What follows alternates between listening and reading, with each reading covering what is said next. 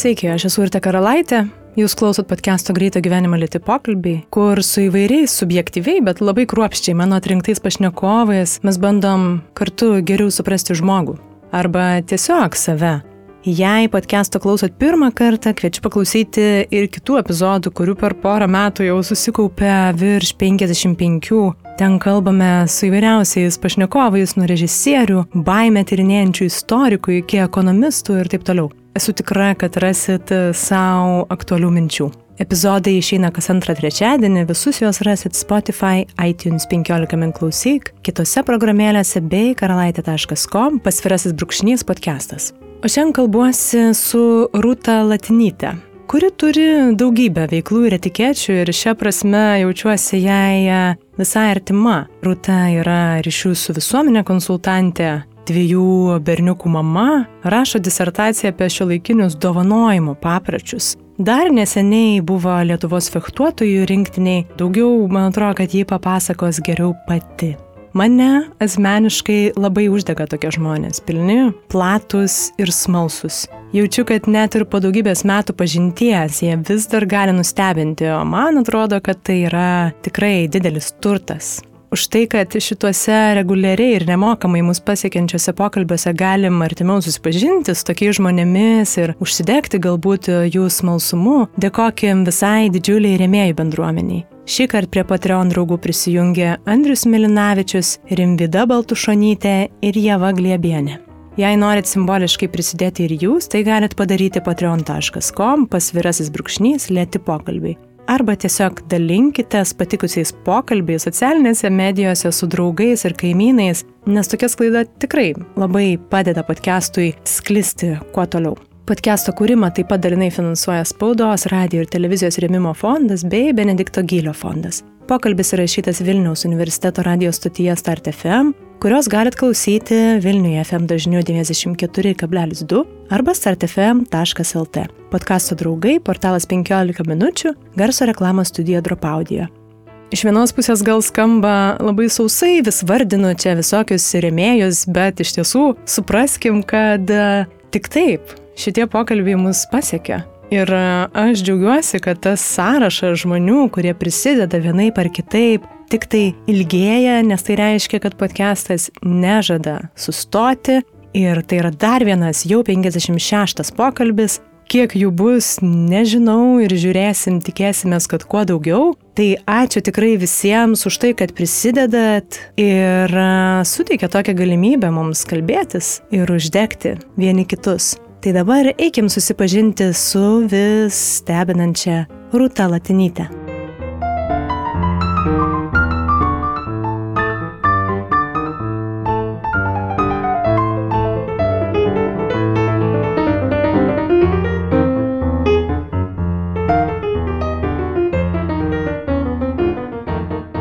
kaip minėjau, aš ir noriu turbūt pradėti būtent nuo jūsų disertacijos temos, kuri yra apie šio laikinius dovanų teikimo papročius. Ir man patinka dar jūs irgi paminėt, kad kurie tik iš pirmo žvilgsnio atrodo savaime suprantami, bet iš tiesų gali slėpti gilius žmonių tarpusavio ryšius, nebūtinai tik tai laimingus, bet ir skaudžius. Tai čia gal galim pažiūrėti bendrai, kaip e, atėjo tik iš šitos temos, va tokios iš pirmo žvilgsnio savaime suprantamos, kodėl norėjosi ten pasikapstyti, paieškoti kažko daugiau. Mhm. Šita tema iš tiesų atėjo labai tokiu klasikiniu būdu per gilinimąsi į kultūros antropologiją, kuri mane domino dar nuo magistro studijos laikų. Ir jinai yra viena iš tokių, gal net galima sakyti, ikoninių temų, kartu su kuria vystėsi pats e, kultūros antropologijos mokslas. Ir aš taip pat nutariau pasigilinti, nes apie dovanas ir apie jų veikimo būdus, schemas, kas tai yra, yra iš tiesų nemažai parašyta nuo, nuo pat 20-ojo amžiaus pradžios. Bet kaip lietuvių kultūra tame kontekste atrodo, ką galime mes papasakoti apie save, buvo smalsu sužinoti iš tos pusės. Iš pradžių tyrinėjau istorinės tradicinės lietuvių dovanas vestuvių papročiuose, kokie yra aprašyti 17-18 amžiuje, ypatingai pretorijaus raštuose ir ten dovanų buvo be galo daug, ypatingai vestuvių šventėse. Ten nuotaka visą kraitį išdalindavo ant kiekvienos sankryžos kelių susikirtimo ir, ir panašiai. Ir vėliau nutariau pasigilinti kiek kitokių kampų į mūsų šio laikinę kultūrą, kuri irgi atrodo veikia tarp papročių, su papročiais, bet mes juos priimam kitaip negu žvelgdami kažkokią praeitį. Ir čia buvo tas iš tikrųjų lūžis, kai, kai aš ėmiau domėtis šio laikinės visuomenės papročiais ir pačiai buvo daug atradimų šitoje temoje. Klausiau to pranešimo, kurį minėjau iš prigimtinės kultūros seminaro šią vasarą, kažkaip kartu nuklystant ir daugiau pagalvojant apie tos e, šiandieninių, va, įprastų tų veiksmų dovanojimo įvairias tokias ir potekstės ir galvojant apie tai, kad tai dalis dovanų yra dėl kažkokios naudos galbūt atgal, kurios tikimės, kita dalis irgi yra galbūt privaloma, ten vėlgi šeimos yra, kurios Jūs irgi liktai minėjot, kad daugelis prieš kalėdas ten iš reikalo skuba visus aprūpinti, bet ar pagalvoja, kam, kas ir kodėl. Čia aš visiškai iš savo pusės tokį minčių lietų paleidau, bet man įdomu iš tiesų, kokie vat būtent nematomi tie dovanojimo ir gavimo tuomet dovanų pjūviai jums pasirodė įdomiausi, jau čia apie šio laikinius būtent mhm. kalbant. Mhm. Man pačiai buvo įdomu įsiklausyti, ką pasakoja pašnekovai, nes e, mano pačios antropologinis tyrimas paremtas e, tokia fenomenologinės antropologijos praktika, jinai susijusi su žmonių patirtimis. Ir tie pokalbiai vystosi gal kažkiek panašiai kaip jūsų laidoj, kai reikia įsikalbėti, kažkur atsipalaiduoti, rasti tą ryšį su žmogum. Ir jau pokalbio kažkur antroji pusėje galima paklausti ir tokį intimesnį klausimą ir išgirsti kažką galbūt, kur, kur buvo skaudu ar kur buvo netai patogu. Ir įdomiausia tyrimo dalis, ko gero, ir buvo tai, kad mes dovanas įsivaizduojam kaip džiaugsmą, kaip kažką tokio nemokamo gauta dovanai. O kai pradedam galvoti apie tai kiek įdėmiau ir patys į save pasižiūrėti šono, kai pabandom, galima rasti iš tikrųjų labai daug ir tokių skausmingų atvejų. Bet ne visiems. Čia irgi toks įdomus atvejis. Yra žmonės, kurie labai gerai jaučiasi dovanodami dovanas. Jie labai tą mėgsta daryti, mėgsta jas gauti, mėgsta tam skirti laiko. Yra žmonės, kurie su dovanom turi didelę problemą. Jiems tai yra galvos skausmas, jie iš karto galvoja, ojai, ką čia dabar man reiks padovanot. Ir tokių atradimų iš tų šio laikinių e, dovanų papročių, tokių, kokių galbūt mes nebūtumėm tikėjęs rasti tradiciniuose papročiuose, tai buvo vienas iš jų dovana savo, kurią žmonės dovanoja patys savo ir pavadina tai, kad tai yra dovana. E, ne šiaip daiktas, kurį aš nusiperku, bet, bet pavadina tai dovana. Sunku pasakyti, kiek tai yra naujas reiškinys, tradiciniuose papročiuose, jeigu mes imksim tuos jau senovės atvejus, tokių nebuvo. Bet apie šio laikinių žmonės ne tik Lietuvoje galime pasakyti, kad tai visos na, vakarų kultūros arealo dalis tos dovanos savo tampa nauja norma ir visiškai įprastos, irgi ne visiems, tai yra suprantamas reiškinys, bet kitiem yra labai natūralus. Tai čia buvo toks vienas iš, iš tokių įdomesnių atradimų. Čia tikriausiai gal kartu irgi eina su, su tuo pasirūpinimu savimi, laiku savo, pasilepinimu ir tokio čia gal galima išvelgti ir vartotojiškoj kultūroje tokio lyg ir atsukimo, to dėmesio, be abejo, mums reikia savim pasirūpinti, bet ir tų produktų e, ir komercijos būtent atsukimo kartu su dėmesiu savo ir tada dovana savo gal tampa, nes dovana savo galėtų būti ir laikas savo, bet mhm. E, aš suprantu, jūs kalbate jau apie kažkokius tai daiktus. E. Kartais tai ir būna laikas savo ir tarp kitko rinkodarai labai dažnai tas yra naudojama, kad skirkit dovaną savo, įsigykit ten kelionę į, į kokį nors ten kurortą, ar, ar pasidovanokit kokį masažą, ar kažkokį kitą tokį momentą. Bet įdomu su, su laiku savo ir dėmesiu ir bet kokia kita gerybė, jinai iš niekur negali atsirasti, reikia, kad kažkas ją duotų. Tai lygiai taip pat ir savo, atrodo, negaliu tiesiog skirti savo laiko, tas kažkas turi man įduoti ir tas kažkas yra aš pats.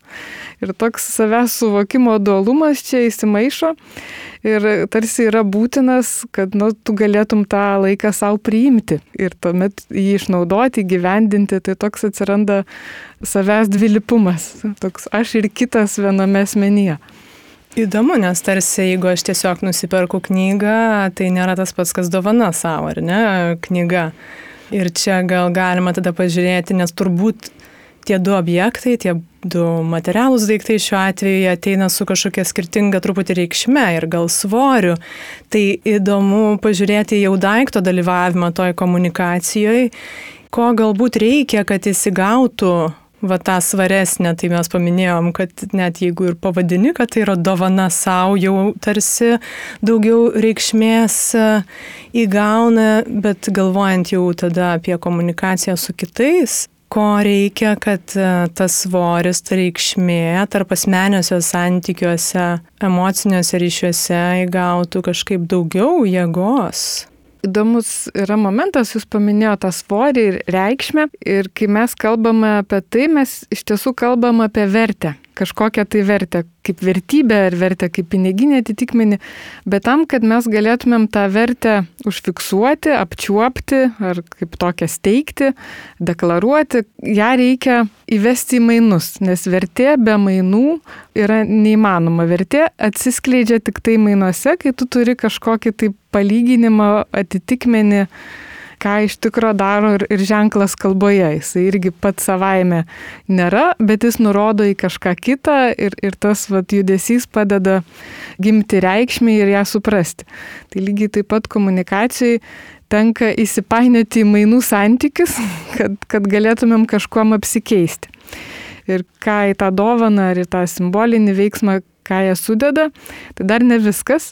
Yra labai svarbu, ką gauna tas žmogus, kuris tą dovaną priima. Ir jis gali jos net ir nepriimti. Čia kita yra ta dovanos pusė.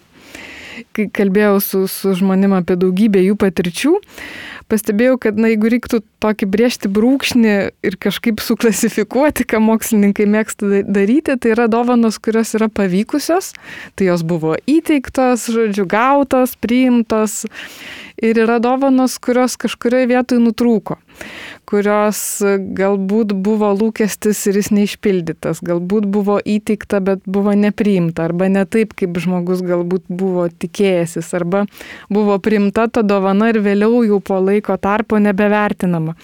Ir įvyksta tokie tarsi pažeidimai, kurie žmonėm įstringa ir, ir primena tam tikrą emociją. Ir žiūriu, kad tie pažeidimai pačiam tyrime ima sudaryti ko nedidesnę dalį, nes apie tas dovanas, su kuriomis yra viskas gerai, aš nekalbu apie tokias jau gyvenimo reikšmės didelės dovanas, ta žmonės atsimena, bet tokias kasdienės dovanas paklausus pašnekovą, kad, na, o ar, ar prisimenat, ką jūsų stoktinis yra dovanojęs jums per kalėdas? Ir žmonės ir ne vienas žmogus tokia pauzė ir sako, nu žinai, sako, nu man kasmet kažką dovanoja, tikraigi dovanoja ir aš dovanoju, bet nors užmušk, sako, neprisiminsiu ką, nu gal buvo kažką tokio. Ir tai nėra kažkoks ten ar gerai ar blogai. Tai reiškia, kad šitoje vietoje viskas vyksta, ta tekmė mainų ir apsikeitimo ir tas santykis, jis tiesiog nesikeičia, jis yra stabilus ir, ir nekyla klausimo dėl nusivylimų ar, ar dėl kaip tik kažkokio tai didesnio įreikšminimo, viskas vyksta tiesiog natūraliai, o mum į atmintį dažnai stringa tie atvejai, kur kaip tik kažkas užkliuvo arba paliko gal net ir labai skaudų pėdsaką. Kaip paminėjot ir tas kasmetinės kalėdų dovanas, aš pagalvojau, kad tikrai ir lyginant su mūsų senolių laikais, tai mes tų dovanų iš tiesų gaunam be galo daug dabar. Nereikia ir didžiųjų švenčių, bet dar kažkur ir kita proga, ir dar kažkokiam renginiui, ir tikrai palyginti e, daugybę ir natūralu, kad jų reikšmė kažkur tai ir pasimeta ir gal ir e, nieko jos mums nebereiškia. Įdomu, vat, kurios tada įsirėžia, tai ar teigiama ar neigiama, turbūt abiem kraštutiniam gali įsirėžti ar ne, tai kažkokių gal ir pavyzdžių radote. kai įsirėžia į atmintį ta dovana, tai jinai turi reikšmę, jinai randa vietą toje atmintyje ir įsirėžia būtent ta reikšmė, kuri, kuri palieka tą pėdsaką. Tai ką pasakojo mano, mano pašnekovai prakalbinti, kartais irgi atrodo labai tokie pakankamai kasdieniški įvykiai, bet gali žmonėm palikti prisiminimą labai ilgam laikui. Vienas iš jų buvo apie tai, kaip draugai ruošiasi keistis dovanėlėm ir, ir taip mėgsta žmonės, kad visi atneša kažką ir paskui ištraukia kažkas kažką ir, ir visi taip apsikeičia ir, ir pašnekovė tai buvo, įpasakojo, kaip jinai daug ruošiasi, kaip ji ten stengiasi ir ten ieškojo specialiai ir mėnesį prieš užsakinėjo iš interneto ir pakavo ir visai kaip. Ir kaip jie atėjo į tą šventę ir ištraukė kažkokį numerėlį ir ten buvo kažkoks pigus daikčiukas iš, iš pigių prekių parduotuvės, pats paprasčiausias. Ir jinai jautėsi labai nusivylusi, kad kažkas į tą patį veiksmą, į tą patį sambūrį, kurie buvo susitikę, pasižiūrėjo taip galbūt atmestinai, kaip jai atrodė. Tai mes čia galim pamatyti, na, tokį galbūt ir perfekcionistą, kuris žiūri į pasaulį ir reikalauja, kad jis žiūrėtų jį, kaip jisai žvelgia jį ir galbūt kuris tikisi sulaukti tokio dėmesio, kokį jisai skiria ir, ir turim lūkesti, kuris šitoje vietoje yra neišpildytas. Arba tokių dar buvo skaudžių atvejų, kur žmogus padovanoja dovaną ir, ir ta dovana, čia būtų vyras ir žmona. Tai žmona gavo dovaną, tai buvo kažkokia ar vazelė, ar skulptūrėlė, ir neprisimenu tiksliai kas, pasidėjo ir bėgo metai, daug metų, ta vazelė ten stovėjo, stovėjo, dulkės rinko ir prisireikė kažkam iš draugų staigiai nunešti kažką lauktuvę ar dovanų ar gimtadienis ir, ir tas vyras čia pažiūrėjo per lentynas, ką čia mes turim, o mes čia turim kažkokią vazelę, galim ją ir padovanoti. Capt ir, ir nunešė ir padovanoti. Koks žodžiu buvo, kokia netiktis buvo, taigi čia buvo man, taigi čia buvo svarbus daiktas ir jisai jinai apuoselėjo ten tą dovaną. Ta netiktis ir nusivylimas tokiu būdu įvyko po daugelio metų, kai mes matom, kad žmonės vis tik nesusikalbėjo ir neteisingai suprato vienas kitą, galbūt eilę metų, bet ta reikšmė kažkur pagaliau prasprūdo ir išlindo. Ir, ir įvyko toksai net ir santykios linktis galima būtų sakyti, arba jeigu ne santykio patys linktis tuo momentu įvyko, tai jo reikšmė iš, iškilo į paviršių ir, ir buvo aktualizuota ir, ir tokiu būdu suprasta. Ar tuomet galima pagalvoti, kad e, dovana visada su lūkesčiu kartu eina? Aš dovanoju ir tarsi jau laukiu ir atsako kažkokio ir, ir noriu, kad įvertinta jinai būtų ir kad patiktų. Tas, kuris laukia, jeigu tai prognozuota dovana, kaip ir turi savo lūkestį. Nes tie vat nusivylimai ir, na, draugų apsikeitimo dovanomis atveju, tai vis tiek yra mano kažkokia atsinešta projekcija, kaip aš norėčiau, kad šitas baigtųsi. Mhm. Turbūt yra labai mažai netgi galimybių, kad baigtųsi taip, kaip aš noriu, nes aš gal net įsivaizduoju jau, kas ten turėtų būti. Arba vien tai, kad kažkas labai man patrauklaus, tai yra visiškai subjektyvu, kas kitam bus patrauklu. Čia įdomus momentas yra su dovana, jos gavimu ir atsilyginimu. Nes klasikinis dovanos e, suvokimas nuo, nuo pat Marcelio Moso, prancūzų sociologo, kuris pirmasis parašė apie dovaną veikalą, kuris taip ir vadinasi dovana.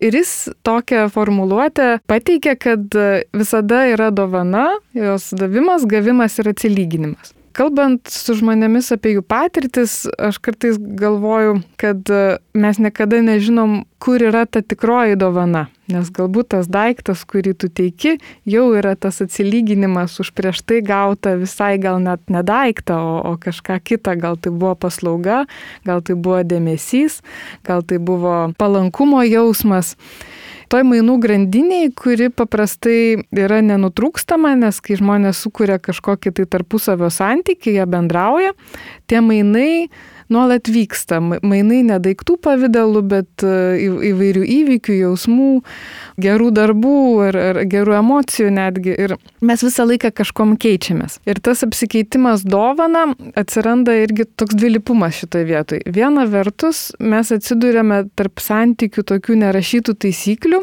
kad yra tarkim progos, kur yra kaip ir būtina teikti dovaną. Kita vertus, žmonės irgi atsiduria prie tokių progų, kur jie net ir neturėdami nei jokios šventės, nei kažkokio atskaitos taško, jaučia, kad jie norėtų kažką padovanoti ir dovana tą sukuria. Ir dabar klausimas, ar, ar sutampa tas momentas, kai tu nori kažką padovanot su kalėdom, ar nesutampa. Vienas iš pasakojimų buvo moters, kuri labai mėgsta dovanoti ir jinai dovanom skiria daug laiko. Ji pasakojo, sakė, mes su mano geriausia drauga gyvenime esame labai artimos ir, ir bendraujam. Bet sako, nėra taip, kad mes kasmet viena kitai ten per gimtadienį ar per kitas šventes dovanotumėm dovanas kiekvienais metais. Sakė, taip nėra. Bet jis sako, vienais metais artėjo jos gimtadienis ir, ir aš jaučiau, kad aš jai noriu padovanoti ypatingą dovaną. Ir tą gimtadienį šventį jie ieškojo ypatingo kažkokio daikto ir, ir tokio ir vertingo. Ir tai buvo kažkoks ar, ar meno dirbinys, ar, ar, ar kažkoks e, toks gražus objektas su, su aukso dulkėm, simbolinė reikšmė turėjo jai. Tai nebuvo tas įprastas dovanojimo ritualas, kad kasmet per gimtadienį, per kalėdas, per, per šventes, bet tai buvo toksai poreikis iškylantis iš, iš buvimo kartu, kad va dabar aš noriu kažką padovanoti. Tuo tarpu su tom tarsi privalomom dovanom Atsitinka kartais taip, kad net ir labai artimam žmogui ir labai svarbiam tau, tu jautiesi įpareigotas kažką pirkti, nors lyg ir dabar ne tas laikas, kai tu tam skirtum laiko. Būna dažnai su dovanom tevams. Rodo kalėdos, tai jau tevam tikrai reikia kažką padovanoti, tai ką aš dabar čia dovanosiu ir pirki kokias koinės, nors tai tikrai ne, neatspindi tavo jausmų tavo tevams ir, ir, ir to, ką tu jam norėtum papasakoti apie santykių su jais ir to dovana tampa tokia galbūt visiškai išreikalo ir tarsi būtiška, bet tuo momentu žmonės jaučiasi įpareigoti, kad vis tiek reikia kažką duoti ir kažkaip tą situaciją išspręsti. Čia tuomet e, jau yra tokie tie naujieji papročiai, tai vad įdomu, kaip jūs paminėjote tą pavyzdį draugių, kad nedovanojo viena kitai reguliariai per visas šitas įprastas šventes, kas turbūt iš tiesų būtų ne visai vat, ta norma, jau kažkoks nukrypimas, nes netgi vad įdomu, kaip ta draugė jaučiasi Jeigu ateina vienos kalėdos ir negaunu, per kitas lyg ir gaunu ir labai gal ir džiaugiuosi, bet per kitas vėl negaunu, vėl su to pačiu lūkesčiu įdomu, kaip eina tie ir papročiai, kurie vis tik yra mums e, diktuojami tam tikrą prasme, na, tos minėtos jau tradicinės šventės, čia gal kiekvienoje šeimoje skiriasi, aš ir pati pastebiu, kad viena šeima jau ten labai ir, ir vertingas visą laiką stengiasi, dovanas ir apgalvotas, kiti gal tiesiog smulkmenėlėm keičiasi ir labiau simboliškai. Bet ar įmanoma iš tiesų kažkaip švelniai ir draugiškai neskaudinant, e, greuti šituos vat, jau šio laikinius papročius, kurie mus įpainioja. Čia labai įdomi tema ir aš jai paskiriu irgi tyrimo visą skyrių. Šį pavadinau dovanų vengimas. Sudėjau daug patirčių, kartais ir labai skirtingų, bet tai yra žmonės, kurie jaučia tą privalomos dovanos situaciją ir nori kažkaip iš jos išsisukti. Tai iš tokių pavyzdžių ir labai buvau nustebus, iš pradžių galvojau, kad čia vienas žmogus taip sugalvojo ir paskui išgirdau, kad dar vienas žmogus tai padarė, tai buvo jubiliejus artėjantis. Ir žmogus nenorėjo kelti baliaus visiems, balius irgi yra tarsi dovana visiems aplinkui. Ir tuo metu visi jam irgi neštų, jį tas labai pareigojo ir jis nenorėjo viso to patirti ir kad turėtų pakankamai svarę priežastį, kaip to jubiliejaus išvengti šventimo, tuo metu susiplanavo kelionę į Ameriką, į Junktinės Amerikos valstiją. Kita istorija apie vyrą lygiai panašiai, panašaus amžiaus lygiai į tas pačias Junktinės Amerikos valstijas, kaip į anapusinį pasaulį kažkokį, kur jau, kai, kai jau ten vyksti, tai jau tikrai gali nerenkti jubiliejus, visi supras. Bet tų dovanų vengimo buvo ir įvairiausių kitokių situacijų. Vienas e, pats niekada neperka, bet e, deleguoja žmonai, kad jinai nupirktų. Kitas atvejais, kad žmogus e, net nesigilina, ką pirks, visą laiką neša tą patį butelį visiems, tokį patį. Bet ką visus tuos atvejus, kas sieja juos, tai yra būtent tas lūkestis, kuris yra primestas iš to nerašyto ar rašyto įsivaizdavimo, kada tos dovanos turi būti teikiamos.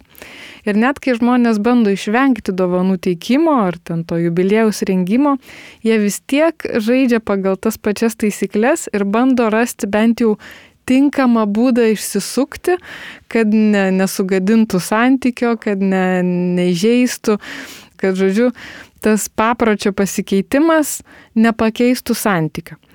Ir čia mes ateinam prie tokios e, įdomios situacijos, gal net ir apimančios platų do, dovanos veikimo ratą, kad kaip papročiai keičiasi ir kaip keičiasi santykiai ir kada keičiasi vienas, o kada keičiasi kitas. Tai mano buvo toks atradimas iš daugelio žmonių pasakojimų, kad kai mes labai labai norim išsaugoti santykių su žmogumi ir jis mums yra daug svarbesnis, tai mes esame pasiruošę keisti lūkesčius. Esam pasiruošę nesupykti, jeigu negavom, pavyzdžiui, dovanos, arba pasiūlyti kitokį būdą, pavyzdžiui, susitarimą, kad mes mūsų šeimoje neteikiam dovanų arba perkam tik vaikam ir visi kiti dėl to nesupyksta, priema tai kaip naują susitarimą. Tuo tarpu, jeigu yra svarbesnis ne tiek santykis, kiek laikymasis tam tikrų taisyklių ar tradicijos, tuomet net ir menkas jų pažeidimas ar kažkoks pasielgimas ne pagal protokolą gali tą santyki keisti, tarkim, pastumti link tokio susvetimėjimo ar gal net atstumimo. Gyvenimo dydžio dovana, man labai gražus e, jūsų terminas e, ir, ir čia prieš tai paminėjot jį, kaip tokia gimsta ir ar ją įmanoma tuomet tikslingai kažkaip sukurti, jeigu jau aš tikrai noriu labai daug svorio to įdėti ir reikšmės ir vertės, ką jūs minit. Tokių pasakojimų apie, kaip aš pavadinau, gyvenimo dydžio dovanas surinkau ne, ne tiek daug. Nėra taip, kad kiekvienas pašnekovas turėtų tokią jau ypatingą dovaną, apie kurią galėtų papasakot. Nors kai paklausi žmogaus, o kokia buvo tokia vat, ypatinga, kuri vat, įstrigo jum, jum į širdį, tai visada žmonės tokią prisimins. Bet tokių, kad susijėtų su tuo kažkokį gyvenimo pokytį ar, ar kažkokį tai įvykį, nėra daug. Tai reiškia, kad tos gyvenimo dydžio dovanos, kurios tampa tokiom reikšmingom, jos kartais gali būti labai paprastos. Tai gali būti padovanota nusinaitė, gali būti net atsitiktinai kažkaip įduotas dalykas, gal ir be progos pati savo kėliau klausimą, ar tokią dovaną įmanoma įteikti, nes ją ko gero įmanoma yra tik tai gauti. Tai irgi paaiškėja vėliau su laiku, kai tą prisimeni, kai kita dovana jau turi vietą atmintie. Nes žmonės paprastai, jie kai gauna vertingą dovaną pinigų prasme, tai jau taip jos nepamiršta jau, kai kainavo, padaro įspūdį, žmonės atsimena, bet ar jie tai vertins kaip tokią dovaną, kuri jam striks kaip, kaip didelis džiaugsmas, tai dar klausimas, nes yra tokių pasakojimų, kurie kaip tik ima jaustis nepatogiai, kad gal nereikėjo, kad gal aš čia nevertas, tada jaučiasi tarsi skolingi, tada vėl užsisuka kitas ratas. Su tom vertingom dovanom mes jų negalim, sakyčiau, gal net ir drąsiai sakyčiau, negalim nei atspėti, nei įteikti, jos tik tai su laiku iškyla iš atminties kaip, kaip tokios dovanos, kurios jau susijusios su, su stipriais įvykiais ar net tokiais likimo vingiais. Ta vat e, tuomet vertę kažkaip sukuria jau ne tas objektas greičiausiai, o kaip jūs sakot, ir, ir su laiku besikeičianti kažkokia tai istorija to daikto. Nes galbūt jeigu aš jį gavau tuo momentu, aš dar irgi taip neįvertinu, ar ne, kaip galbūt e, per laiko perspektyvą. Jo, mes turim laiko perspektyvą ir mes iš tikrųjų kalbėdami apie dovanas daugeliu atveju pagalvoju, kad tas objektas dovanosis netoks ir svarbus yra, kas jisai, nes tai visą laiką yra kalba apie santyki žmonių, apie tai, kas žmonės sieja, kaip jie tą nori parodyti, nes santykis yra toks neapčiuopiamas, abstraktus reiškinys, kurį žmogui norint pažinti, norint parodyti, norint pasakyti, reikia kažkokiu būdu padaryti apčiuopiamu. Ir štai čia įsipainioja ta dovana, kuri leidžia pasakyti apie santyki, nes neteinigi šiaip ir nesakai, kad žinai, aš su tavim jaučiuosi labai artimam santykiai, žmonės taip nekalba. Ir net ir apie savo jausmus vienas kitam retai kada kalba, nesam įpratę apie tai kalbėti, bet e, esam įpratę keistis dovanomis. Tai yra ta kalba, kurią mes kalbam apie santykius tarpusavio nėra vienintelė tai yra kalba ir nėra visiems žmonėm būdinga. Ir, ir čia aš irgi noriu tokią nu, nušokti ir padaryti pastabą, kad tie žmonės, kurie nėra linkę teikti dovanas arba ne, nemėgsta jų gauti, tai nereiškia, kad jie yra susvetimėję ar, ar, ar nedraugiški. Vienas iš tokių mano pastebėjimų, kad dovana yra kartu ir toks, galima būtų sakyti, kūrybos žanras, kuris vieniem yra priimtinas, kaip, e, tarkim, dainavimas. Vieni mėgsta dainuoti ir turi tam talentą ir lygiai taip pat gali mėgti dovanas, dovanoti, jiems puikiai sekasi, o kitiem lyg meškausi būtų numynus, va, dainavimas yra ne, ne ta kūrybos e, sritis, kurie galėtų save išreikšti. Ir yra žmonių, kuriem dovanas irgi yra ne tas sritis, kurioje jie jaustųsi patogiai Tai jie taip bando laviruoti, bando išsisukti, bet e, tą patį santyki, tą pačią vertę tarpusavio buvimo, jie galbūt e, ir negalbūt, o iš tiesų parodo kitais būdais. Galbūt žodžiu pasako, galbūt e, buvimų laiką skirdami tam ir, ir visai kaip, bet nebūtinai parinkdami dovaną, kaip mes ją įsivaizduojam, tokiu daikto pavydalu. Taip, tai dovana yra tam tikra komunikacijos e, forma. Tikrai. Viena taip. iš, ar ne? Mhm. Aš noriu truputį grįžti, nes jūs paminėjote tą skepetaitę, nusinaitę, nebepamenu tiksliai, bet kadangi aš šitą istoriją trumpai girdėjau jau, tai gal, gal papasakokit, nes man atrodo, kad jinai tokia visai įspūdinga, iš kur jinai ten atsiranda. Taip, šitą istoriją iš tiesų papasakojo režisierė Dovilė Gasiūnaitė apie savo pačios e, vaikystę. Ir jinai pasakojo apie vieną iš tų tokių įsimintinų dovanų, kurią prisiminė taip visiškai spontaniškai.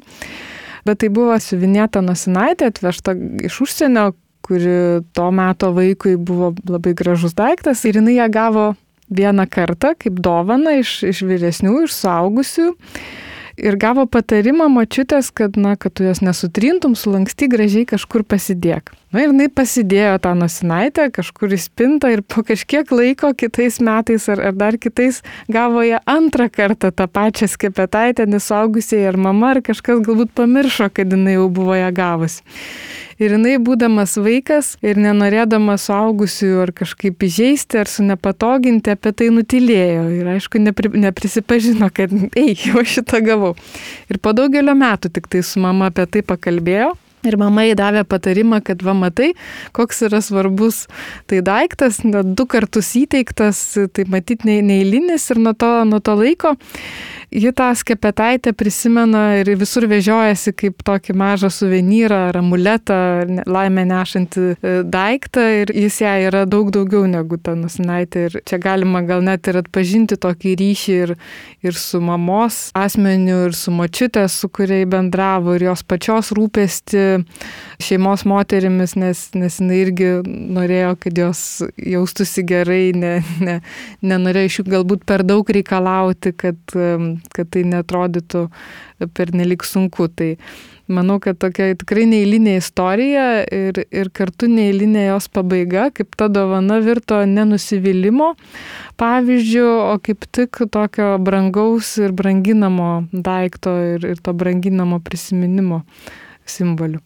Taip, įsivaizduoju, kad visgi, kai jinai buvo vaikas, turbūt reakcija gal buvo kiek kitokia, bet po to ir saugusio žmogaus ir per dialogą su mama sukūrė tą kitą vertę, kuri gal ir dar labiau auga dabar su kiekviena, nežinau, kelionė kartu su skepetaitė.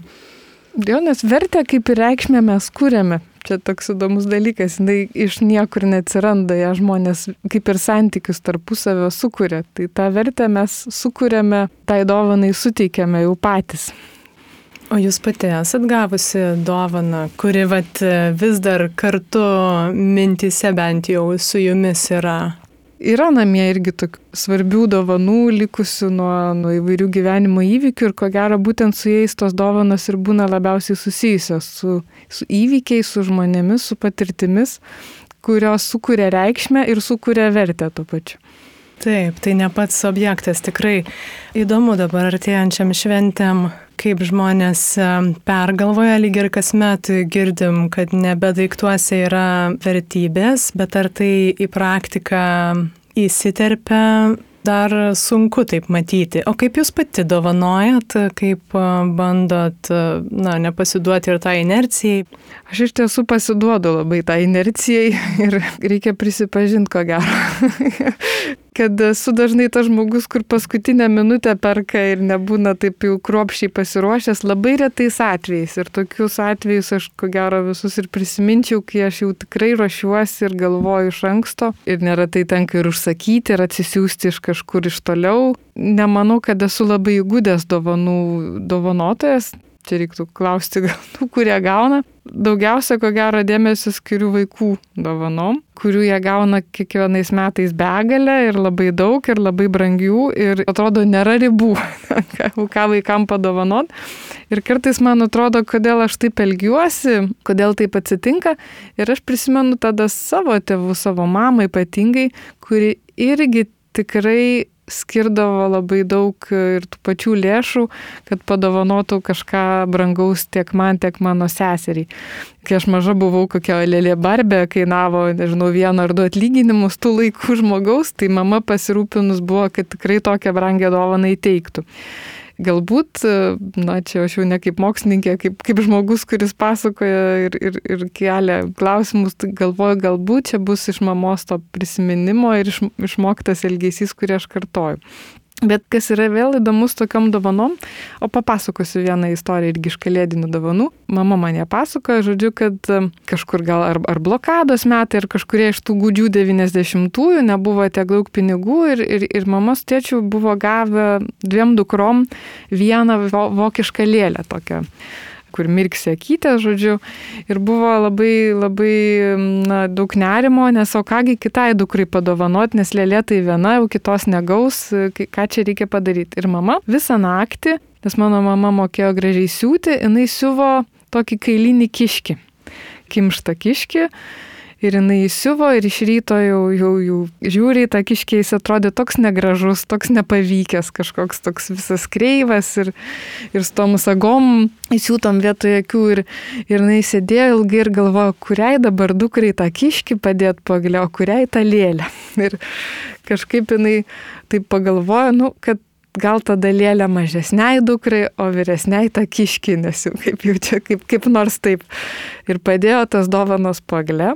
Ir mes iš ryto atsikeliam su sesė, atsikeliam, nu, pažiūrėjo lėlę, nu, lėlė, kai buvo kliksmas kiškis ir buvo peštynės visą dieną. To kiškiu buvo lakstoma, duok man, duok man, žodžiu, tas kiškis buvo visiškas pasisekimas ir, ir aš iki šios dienos turiu namuose išlaikytą kaip vienintelį žaislą iš vaikystės. Tai štai tokia įdomi istorija, kaip, kaip gavosi su, su to dovanai. Įspūdis susidaro, kad jūs dar galėtumėt pasakoti ir pasakoti apie tą kiškį, kad tikrai e, tą reikšmę ir tuo met, ir kažkiek dabar jisai turėjo tuo pačiu pasakojat, kad savo vaikams, net ir vat, prisimindama, kiek e, pačios su sese lyg ir nuvertino tą vokišką lėlę ir iš tiesų mylėjot kiški, e, renkatės dėti daug ir, ir materialinių, ir visų kitų pastangų ir dovanoti tas didelės brangias dovanas. Įdomu, ką reiškia vat, tėvams ta didelė brangi dovana. Čia ir man yra įdomu, iš tikrųjų reiktų galbūt klausti jau kito mokslo atstovo, kokio psichologo, kad pakomentuotų, bet e, yra įvairių tokių hipotezių. Viena iš jų, kad tėvai tokiu būdu bando tarsi kompensuoti kažkokį neskirtą laiką ar, ar nepakankamai skirtą dėmesį vaikam, arba bent jau jaučiasi, kad jie galėtų daugiau vaikam duoti bet neduoda ir, ir tas tada toks tarsi skolos ir kalties jausmas, kurį bandai užpirkti jau tada brangiom dovanom, pagodas prizas. Kita vertus, irgi norisi vaikam tokią sukurti, tokią gražią vaikystę, kurios galbūt mes savo laiku neturėjom, nes mes neturėjom ir tokių žaislų, kaip, kaip visi kiti vaikai. Gal jų ir nereikėjo, bet, bet visą laiką buvo tiem užaugusiam už, už geležinės uždangos toks tarsi įspūdis, kad ten kažkur yra labiau utopinis pasaulis negu čia. o dabar gyveni ir, ir supranti, kad dabar jisai čia yra tas utopinis pasaulis ir, ir jame yra viskas ir norisi tą viską pilnais glebiais imti ir, ir vaikams suteikti. Nors klausimas, ar, ar iš tikrųjų čia taip yra jau jiems būtina, čia gal labiau man pačiai tas jausmas kylantis, kad, kad reikia ta, kaip ir dalintis ir visą tai turėti ir, ir džiaugtis bet aš iš tikrųjų labai gerbiu žmonės, kurie sugeba nuo, nuo tų materialių gerybių tik išsilaisvinti ir, ir išsivaduoti. Ir, ir netaupo naujam PlayStation per kalėdas, o, o, o randa kažkokį tai kitą būdą. Bet, bet su vaikais, na, aš šitoje vietoje tikrai pasiduodu ir, ir, ir šitoje vietoje mes tokie esam labai komerciniai vartotojai. Jeigu jau bus nauja konsolė, tai mes ko gero ją kalėdom ir pakuosim pagalę įdomu pažiūrėti labai greituoju būdu, pasidomėjus apie jūs, aš radau daug skirtingų krypčių kuriuose jūs visai smarkiai įsipainiojat, ne tai, kad e, kažkaip nepastoviai mėtėtės. Ir aš čia galvoju, kažkuriuo metu gyvenime ir aktorystė buvo, ar ne, dalis jūsų gyvenimo ir fektavimasis, ir šaulių sąjunga, ir tekstai, ir daugybė gal kitų, kurių ir aš nežinau. Tai man pirmas, čia ir iš mano visiškai asmeninės kažkaip patirties kyla, ar nedraskė va tas daugelipiškumas tam tikrą prasme asmenybės, kaip galiausiai atsirinkot, kas lieka Na, tai be abejo, kažką reikia pasirinkti, bet visgi kodėl, nes aš irgi susiduriu daug žmonių, nepavyksta pasverti. Tai galima sverti be abejo pelninga, nepelninga, bet vertybiškai sunkiau galbūt. Tai vad apie tą daugia kryptiškumą ir daugelipiškumą jūsų pačios, čia man taip susidaro įspūdis taip ir yra iš tikrųjų. Ir aš pati galvojau ilgą laiką, ne kodėl taip yra, bet aš manau, kad gal tik dabar suprantu ir to priežastis ir pagaliau randu kelią, kaip tas skirtingas skriptis kažkiek apjungti. O tai kilę yra nuo pat gal net tų jaunystės mokyklos baigimo metų iš tokio dvilipumo, kuris e, kilo gal iš nepasitikėjimo, gal, gal iš tokio irgi pasidavimo lūkesčiam visuomenėm, kad yra vienos veiklos, kurios yra kaip hobis, kaip dėl širdies, kas tau yra įdomu, o kitos veiklos yra tokios, kur jau rimtos, kur teisingos, kur, kur tu, tarkim, kuri profesinį kelią savo. Ir, ir taip visą laiką gaudavosi, kad jos išsiskirdavo. Ir aš visą laiką labai žavėjausi žmonėmis, kurie savo gyvenimo kelią ir padarė pagrindiniu tuo keliu. Tarkim, jeigu tu renkėsi sportą kaip savo pagrindinę veiklą, tu jo ir užsiemi kaip sportininkas. Bet aš šitoje vietoje nebuvau tokia drasi ir gal tokia stipri. Ir ta meilė sportui visą laiką buvo šalia, kitų veiklų niekada netapo pagrindinė linija. Bet tų linijų buvo daugiau. Lygiai taip pat buvo tarsi svajonė išbandyti aktorystę ir aš kažkiek prie jos prisiliečiau, bet ji irgi netapo pagrindinę gyvenimo kryptim ir, ir, ir kitą kartą galvoju, gal ir gerai, nes tai yra be galo sudėtinga profesija, O kaip jaunas žmogus, besirinkdamas studijas, nuėjau labai tokiu pragmatišku keliu į vadybą. Tais laikais, tai gal ir šiais, man atrodo, buvo tarptų top specialybių, kurių, kai esi klasiai pirmūnas, tai jau renkiesi, kurių, kurių pačios tokios jau labai mandros. Čia buvo visą laiką tas kelias, kur atsit labai rimtas, nes čia bus darbas tavo, tu čia eisi ir dirbsi.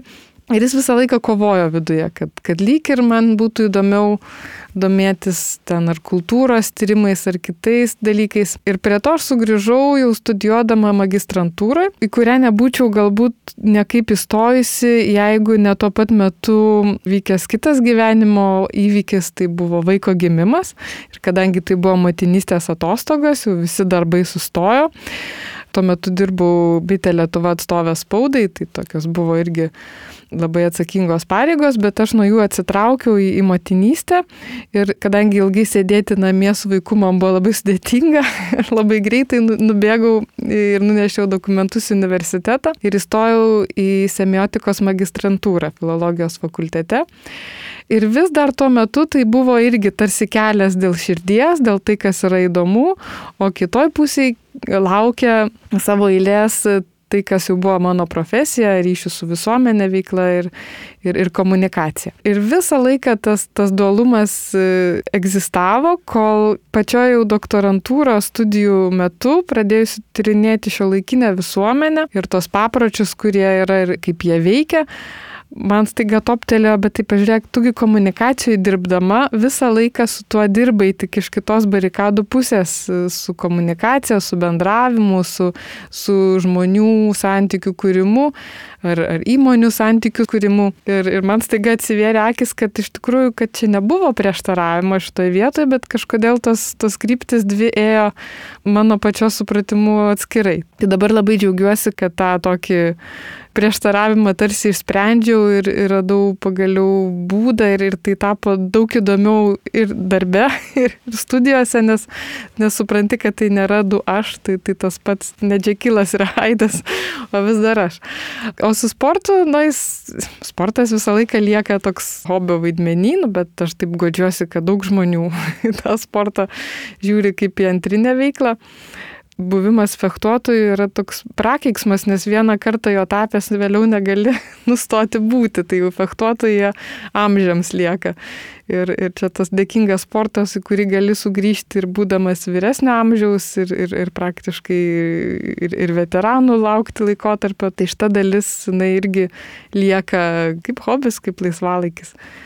Aš teisingai suprantu, kad būtent vat, ir sportas, ir aktorystė buvo tos jūsų, kaip čia, aistringos kryptis, kur tarsi norėjosi ten krypti, bet sakot, vat, kad vadyba buvo logiškas pasirinkimas. Dabar jūs jau reflektuojat, kaip anksčiau buvo, ar ne? Bet to kažkokio nusivylimą tais pasirinkimais to meto nesigirdi liktai tada, kai aš studijavau ir rinkausi studijas, tai tais laikais visos merginos svajojo būti manikenėmis, o visi vaikinai svajojo būti didžiais. Buvo na, tokia karta. Čia gal aš tais pačiais metais augau. kažkaip, na, toks jaunatviškas noras, kad va, aš būsiu čia kažkas iš to šou verslo dalies, jisai buvo ir, ir nuvedė mane aktorystę. Ir iš tikrųjų aš baigiau teatro mokyklą Paryžiuje ir jau turėjau dokumentus stoti į Paryžiaus teatro konservatoriją, tačiau buvo taip, kad tiesiog baigėsi pinigai. Nes tai buvo privati teatro mokykla, man, man jos vadovė parašė baigimo diplomą, nors man dar trūko vienų metų, bet sakė, žinai, kad tu stok. Bet norint pasiruošti stojimui, reikėjo surepetuoti kažkokią tai ištrauką iš, iš spektaklio ir, ir, ir pasiruošti tam. Tam, žodžiu, reikėjo dar pabaigti paskutinį tos teatro mokyklos semestrą, kad jau galima būtų stoti. Nebeturėjau lėšų baigti tos, tos mokyklos, tada pasukau kitų kelių, tiesiog jau dirbti, jau tai buvo viena pirmųjų ryšių su visuomenė agentūrų, kurie aš dirbau, tai kaip tik ir buvo Paryžė. Tuo metu, žodžiu, vis, visa tai, kas buvo iki to užsimetė, įsisuko nauja veikla ir, ir, ir vėliau aš grįžau į Lietuvą, nes labai kažkaip mane traukė ir, ir tas ilgesys kankino. Ir, ir čia toliau dirbau irgi įvairiose ryšių su visuomenė agentūros ir ta aktorystė liko jau toks kaip, kaip jaunystės svajonė, niekada neišsipildžiusi. Tai jinai ir liko tokia svajonė neišsipildžiusi, bet aš kartu šiek tiek prie jos prisilietus supratau, kad tai yra kaip jau minėjau, labai sunki profesija ir ko gero sunkiausia jinai yra tuo, kad tu esi labai priklausomas. Priklausomas nuo, ką režisierius pasirinks, ar jis tave pakvies, ar castingo agentūra tave pakvies, ar tu galėsi kažkur dalyvauti ar ne. Jeigu tau pasiseka, tai tu gali atsiskleisti, bet toje vietoje, kiek tu gali pats valdyti savo likimą, man atrodė, kad aktoriui tai yra galbūt sunkiau, nes jeigu tu esi pats režisierius, tuomet tu pats kuri tą filmą, o aktorius yra toks, na, tarsi minkomas molis, kuris kuria, būdamas priklausomas nuo kitų. Tai gali būti be abejo klaidingas toks įspūdis, Bet man buvo labai sunku įsivaizduoti, kad aš, na, būdama aktorė, turėčiau visą laiką kažkokio laukti tarsi patvirtinimo iš šalies, kad tu esi tinkamas vaidmenį ar netinkamas ir sulaukti tokio verdikto, tas atrodė iš tikrųjų pakankamai sunku. Ir kitas sunkus dalykas yra, kad aktoriam reikia begalę daug tekstų išmokti mintinai, žiauriai daug. Ta dalis, ta, ta juodoji aktorių pusė, kur tu sėdi ir kali mintinai tekstą, ištisą piesę, ar, ar nu, tu iš tikrųjų, nu, jokio malonumo su tais tekstais mokytis mintinai, tai aš tada pagalvoju, gal aš ir kitų galiu veiklų sugalvoti. Bet aš manau, kad jeigu turim kokią mažytę svajonę, reikia pabandyti prie jos prisiliesti, gali būti, kad tai viską sugadins. Pamatysi, kad tai visai ir nėra tokia svajonė, nėra tokia įgraži, bet tada bus ramu, kad tu bent jau pabandėjai ir esi ramus ir, ir nesakai, kad to kažkada galėjau, o būčiau, o nu, tavo dabar, bet, bet dabar taip nebuvo. Bet vis dėlto manau, kad aš šitą vietoj tą pabūti aktorę pabandymą padariau, tuo labai džiaugiuosi ir manau, kad dėl to galiu būti rami. Čia įdomu, kad e, būtent paminėt tą pasibandymą svajonių, e, nors prieš tai minėjot kažkokį tai ir nepasitikėjimą savimi, bet atrodo, kad tos drąsos, vad, pabandyti tą, aną, trečią ir dabar truputį ramiau kalbėti apie savo pasirinkimus, e, lyg ir netrūko visgi. Vat atsirasti, o Prancūzija, kaip atsirado, tiksliau, jūs Prancūzijoje. O čia labai sena istorija yra. aš, aš buvau prisižadėjus savo labai daug apie ją nepasakoti, nes ta istorija pakankamai komplikuota, bet e, aš iš tiesų išvykau į Prancūziją paskui mylimą žmogų ir tai buvo neplanuotas žingsnis, bet man labai svarbus, nes ta kelionė ir, ir ta aplinka ir, ir visa tai labai labai daug e, pačią mane išmokė su, su tai žmonėmis kažkiek palaikom ryšį iki dabar ir, ir manau, kad na, tai toks žingsnis išvažiuoti į kitą šalį yra svarbus ir kitą kartą iš jos sugrįžti. Tai manau, kad tie jauni žmonės, kurie dabar pasirenka išvažiuoti ir nebūtina jaunystėje tą padaryti, bet iš naujo surasti tą įtaką ir grįžti į Lietuvą po kurio laiko, tai, tai man pačiai mano patirtyje tai atrodė labai, labai svarbu.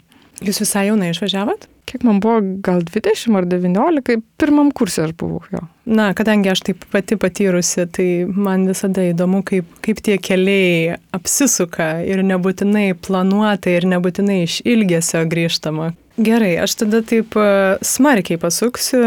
Kaip minėjau, e, besiraždama pokalbiui ir perskaičiau tekstų ir pasižiūrėjau ir publikacijas ir va tą žinių radio laidą radau, kuri buvo apie vienišas mamas. Man iš karto užkliuvo šitas žodis, būtent tas e, terminas. Man čia kyla klausimas.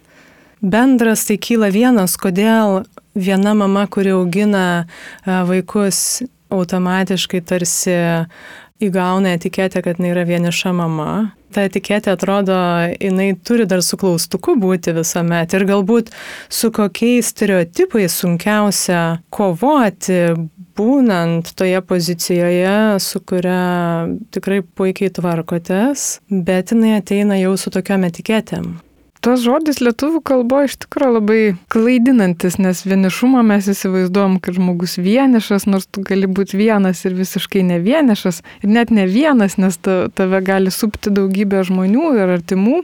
Anglų kalboje turi single mom, tai jis toksai tarsi, kad mama, kuri viena auginanti vaiką, tai reiškia, kad na, be, be partnerio kartu gyvenančio. Tai toks jisai tarsi būtų gal tikslesnis. O, o pas mus tas stereotipas jis turi tokį, na, tikrai krūvį ir klaidinantį. Kita vertus, manau, kad tikrai nemažai yra mamų, kurios lygiai taip pat jaučiasi kartais būdamos tarsi paliktos vienos karo laukia, net ir turėdamas partneris, kurio neišsiskyrė, gyvendamos galbūt kartu, bet galbūt jis yra išvykęs, galbūt jis yra užsiemęs, ar jam yra kitas sunkus etapas ir tuo metu jai tenka vienai visą situaciją tvarkyti.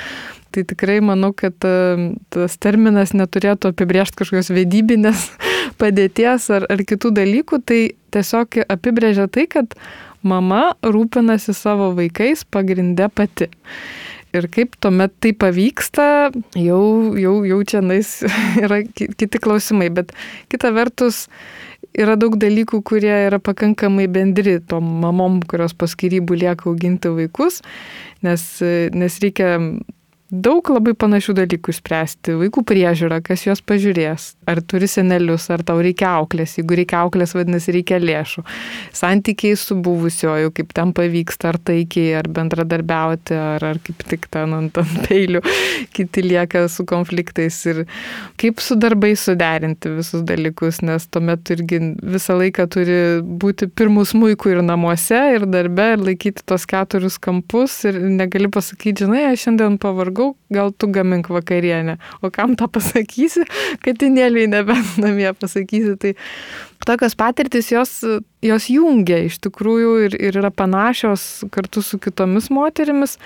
Bet kartu ir uždeda tokį stereotipą ir, ir tokių nuostatų, kad galbūt vienišai mamai yra sunkiau daryti karjerą, bet iš tiesų tai yra susijęs su užsispyrimu ir su noru, nes kai yra poreikis, kai yra noras, tai yra įmanoma ir žmonės tai padaro.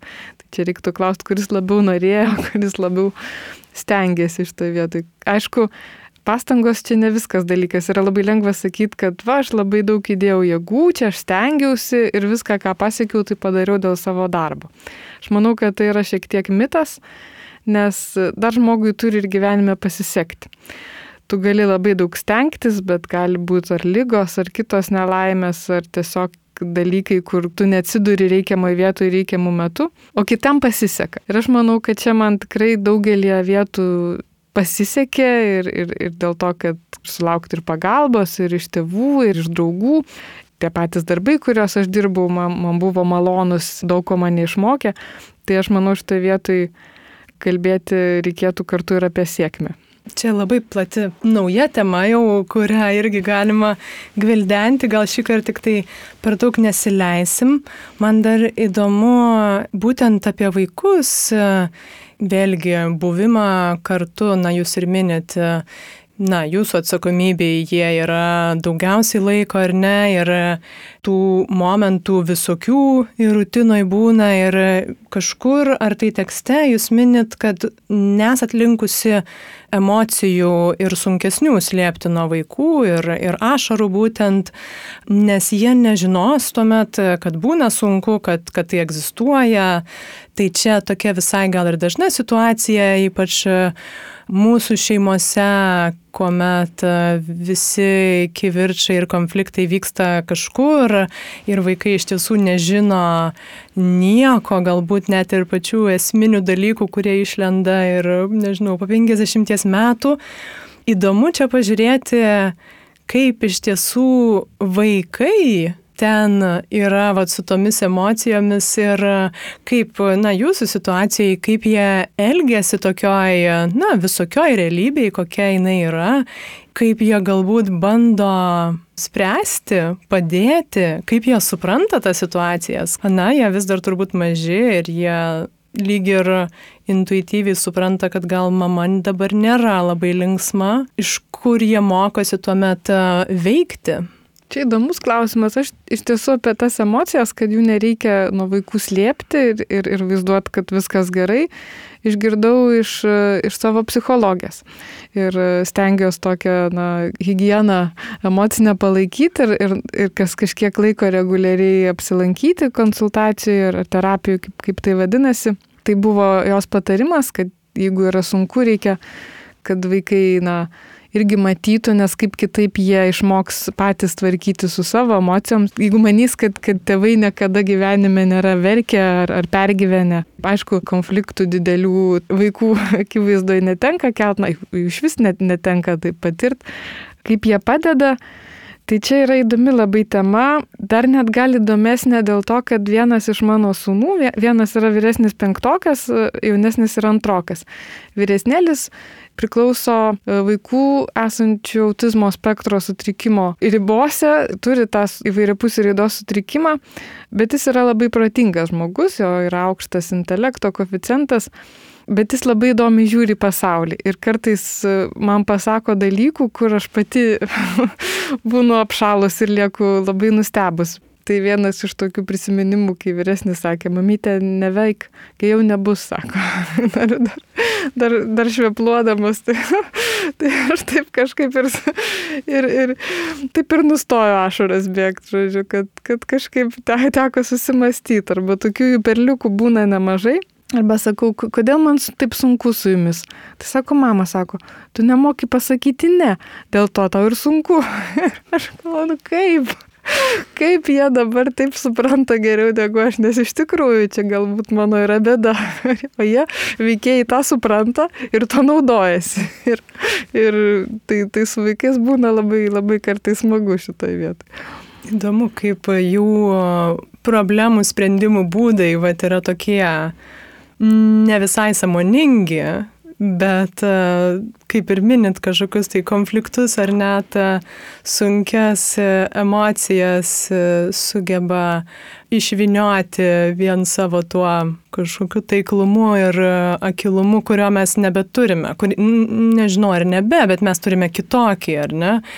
Skaitant kelis jūsų tekstus, sugrįžau ir keletą buvusių ir čia pokalbių. Mes visai neseniai su sociologe Gedrė Plepytė Davidavičiane kalbėjom apie lietuvių nelaimingumą ir, ir jūs apie šitą esat rašiusi.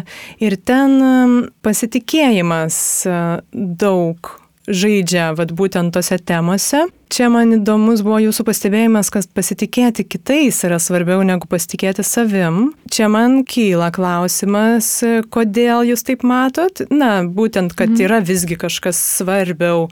Kuo tai iš esmės siejasi ir skiriasi, nes tai lyg ir nėra tas pats pasitikėjimas. Tai vad čia gal galim pažiūrėti kryptis pasitikėjimo. Šios tezės mano pačios yra pasiskolintos iš e, Šiaurės šalių ministro tarybos renkto tyrimo. Jie pasitikėjimo temai skiria pakankamai nemažai dėmesio dėl to, kad e, tokį padarė tarsi išvada, kad e, Šiaurės šalise, ypatingai Skandinavijai, didelė dalis tos viso pasaulio vertinamos ir iš tai, ką jos giria, tokios na, sukurtos gerovės, ką jie turi pas save, yra paremta pasitikėjimo santykiais. Jie pasitikė valstybę, jie pasitikė vieni kitais, savo bendruomenę, kaimynais, kolegom. Tai tada padeda kažkiek kitaip žvelgti į, į, į visą apskritai gyvenimą ir tai, kas, kas tave supa. Tai man tai pasirodė labai įdomi mintis ir pasirodė pakankamai pažįstama tom, kad to pasitikėjimo pas mus kartais pritrūksta, o kartais jis kaip tik yra, atsiranda tokiuose vietose visiškai netikėtai, kai tu gali, tarkim, nežinau, kokiam meistrui palikti raktą nuo namų ir išeiti ir, ir, ir ten nesi net jokių kažkokių sutarčių didelių su juo sudaręs, bet tu žinai, kad viskas bus gerai ir jis atliks. Ir supranti, kad čia yra tam tikras, na ir kultūrinis pagrindas ir kartu ugdomas dalykas, kuriam reikia tiek patirties geros, nes bloga patirtis paskui sugadina tokius spiglius žmonėms sukelia tiek reikia tą turėti gerąją patirtį, tiek reikia ir, ir tokio, na, pasitikėjimas, jeigu grįžtumėm prie dovanų temos, jis yra davimas. Davimas tarsi avansų, kad tu suteiki žmogui tą pasitikėjimą dar jo nepažinodamas, ne dėl to, kad jis jo nusipelnė to pasitikėjimo, bet dėl to, kad jis yra. Čia kaip ir su pagarba irgi galima žiūrėti žmonės, kad, kad jeigu tu nori, kad aš gerbčiau, turiu nusipelnyti, arba gali žiūrėti kitaip, kad aš pagarbą duodu visiems žmonėm, nepaisant nuo to, kaip, kaip jie į mane pirmą kartą pažvelgė ar ką pasakė. Ir tas, aš manau, čia mus gali gražinti prie to davimo, gavimo klausimo. Iš tikrųjų, teikdamas pasitikėjimą, tu jo gauni. Ir galbūt net netiesi iš to žmogaus, kurio tu pasitikėjai, bet galbūt kažkur iš visai kitos pusės. Nes tai yra jis toks visuotinis, jis liečia visuomenės pačios buvimą, polinkį pasitikėti. Tai aš sakyčiau, kad čia mes, na, galim žvelgti pakankamai giliai į visuomenės kaip tobulėjimo kelią, nes netgi toks, tarkim, pasitikėjimas kokiuose nors ten valstybinėse institucijose, kad, kad tau nereikia kokio nors ten rašto nešiot pirmin ant galo, tu gali atsiųsti elektroninę kopiją ir jie bus pasitikima, ar kažkokie kiti, kiti tokie dalykai, jie tiesiog padaro gyvenimą daug paprastesnį ir leidžia dalykus daryti taip, kaip mes norime ir negaišti to laiko kažkokiam apsidraudimui ar pasitikėjimo užtikrinimui, kas reikalauja atskiro jėgų. Dar įdomu visgi grįžti į tą pasitikėjimą, dabar papasakojot taip mhm. savo tą matymą apie pasitikėjimą kitų ir be abejo bendruomeniai, mhm. valstybei, visuomeniai tai labai svarbu, ko tikrai galima išvelgti trūkumą pas mus. Visgi kas įvyksta, jeigu vat, kitu aš nepasitikiu, o savim pasitikiu? Koks čia skirtumas? Bet aš galvoju, ar įmanoma nepasitikėti kitais, bet pasitikėti savimi taip stipriai. Aš galvoju, galbūt tas vis tiek kažkur tai nepasitikėjimas kitais gali kilti iš nepasitikėjimo savimi. Aš manyčiau, kad tai susiję. Bet norint tą pakeisti, reikia nuo kažko pradėti. Ir pasitikėti savim, ko gero, yra sunkiau, negu kad pasitikėti kitų kartais. Gal ne visiems, bet e, kai tu pasitikė savim, tai vis tiek lieka tik tarp tavęs. Kai tu pasitikė kitų, tu tą pasitikėjimą jau skleidi į išorę tada jau yra ne vienas žmogus, kurį tą pasitikėjimą išrado ar patyrė, bet jau yra du. Ir tas kitas žmogus jautęs tavo pasitikėjimą gali jį perduoti vėliau galbūt kitiem. Tai, tai ko gero, grįžtant prie, prie tos minties, kodėl kitais yra svarbiau pasitikėti negu vien tik tai savimi, tai aš manyčiau, kad tas pasitikėjimas jis tada sklinda, jis tada užkrečiamas tampa šitoje vietoje. Taip, ir dar vieną įdomią mintį, aš jau čia kažkaip savaip gal pažiūrėsiu į ją. Kalbant apie tą pasitikėjimą kitu ir žiūrima yra į kitą.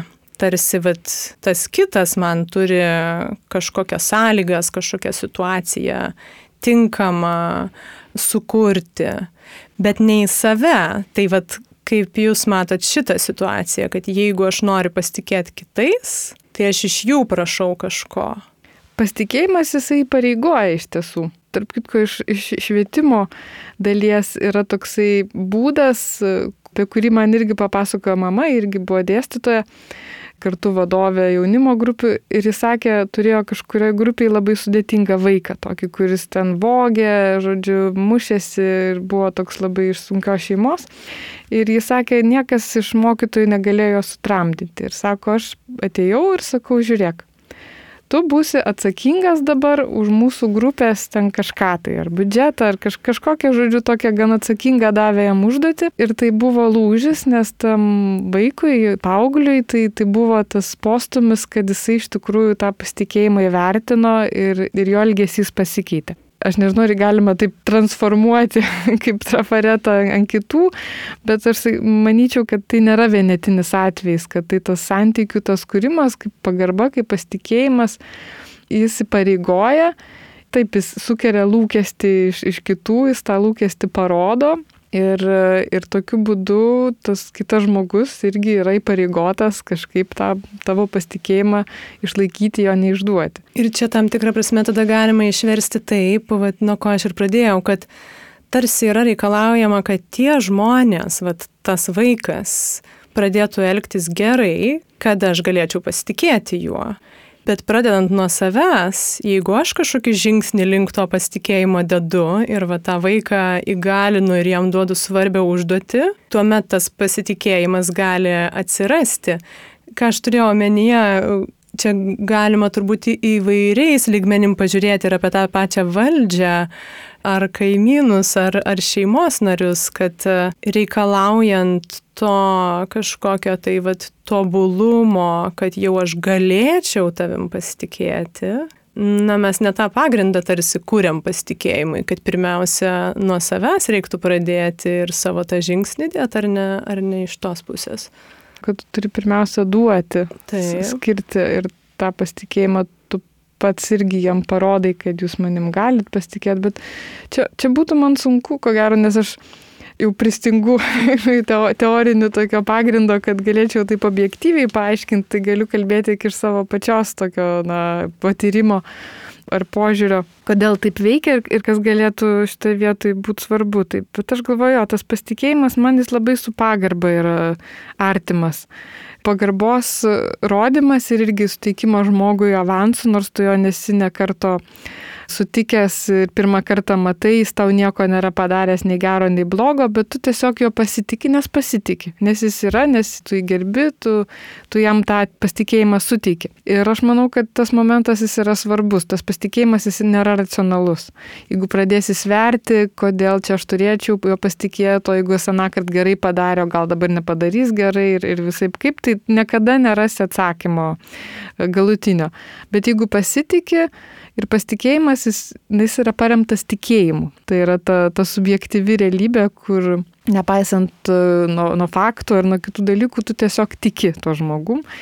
Tai sukuria pasitikėjimo aplinką, kurios objektyviai žvelgiant gal ir nėra, sukuria tau saugumo efektą, kurio galbūt ir nėra, nes ten visą laiką gali kažkas nutikti, bet kadangi jis yra sukurtas, tai jis tampa egzistuojantis žmonių sąmonėje, jų elgesyje.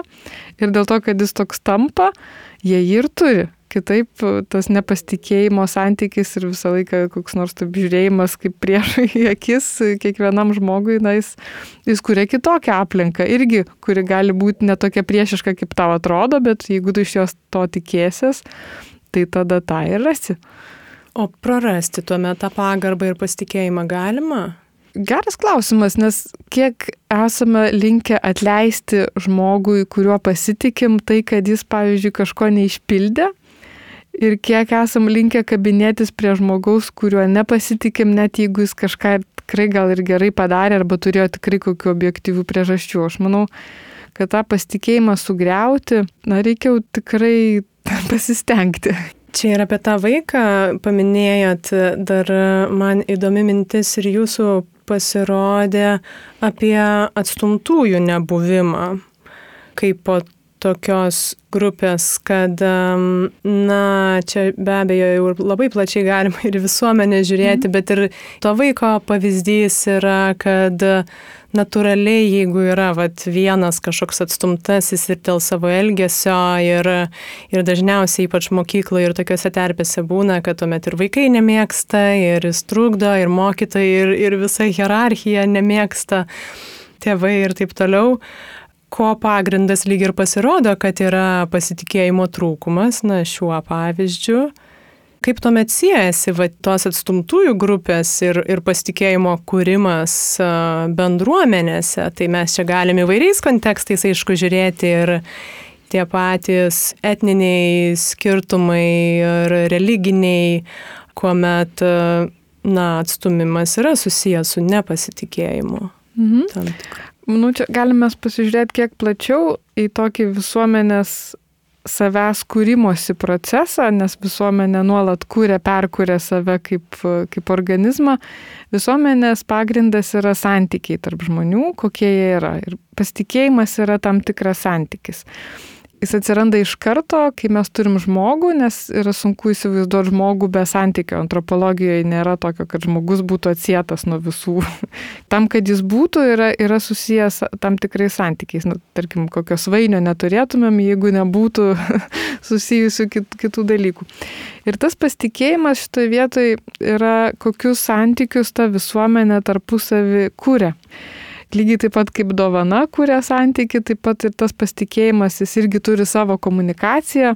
Rakto davimas meistrui, kad gali šitose namuose daryti, ką nori, yra pasitikėjimo ženklas, nors jis ir atrodo praktinis, bet tai kartu yra ir tokia kaip ir komunikacijos žinutė.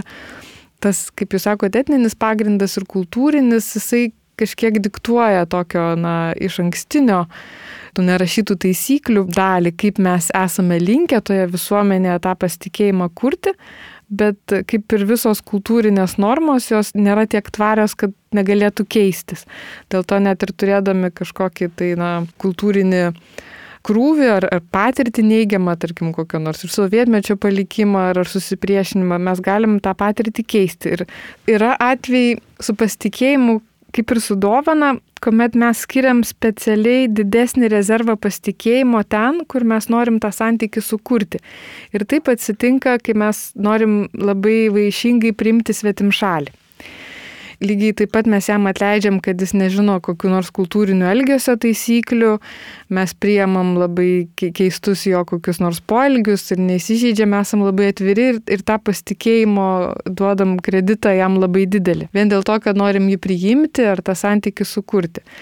Tai šitoje vietoje vėl, vėlgi tas nusveria, kas yra svarbiau, ar santykis, ar kažkokios kitos taisyklės, kurios tą santyki riboja ar, ar, ar sukelia tam tikras kliūtis, ką reikia išpildyti, kad tas pasitikėjimas būtų sukurtas. Tai šitoje vietoje, kuo tas santykių tinklas didesnis, tuo mes turim tą bendruomenę, visuomenę platesnę, glaudesnę. Kuo jisai yra mažesnis, nepasitikėjimas aštresnis, tuo mes užsidarom tokiuose mažose grupėse tokie tampam kaip ir atskirti nuo visų, tokie vieni prieš visus. Tikrai ir šitą pasitikėjimo temą galima būtų vystyti įvairiais pjūviais ir, ir žiūrinti tai, kas pas mus vyksta Lietuvoje ir kasdien, bet ir va, dabar pandemijos situacija atneša kitus įvairius klaustukus. Šį kartą mes palėtėm labai daug skirtingų temų. Manau, kad šiam kartui pakaks, kad turėtume kitam galbūt kartui dar kur išsiplėsti. Tai ačiū labai rūta už e, tokius e, kabliukus, man atrodo, taiklius, kur ir klausytojai galės dar mintimis nuklysti.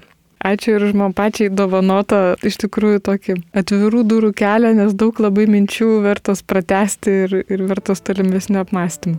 Bet taip, va, mes ir bandom. Labai irgi taiklus pasakymas - atvirų durų kelias.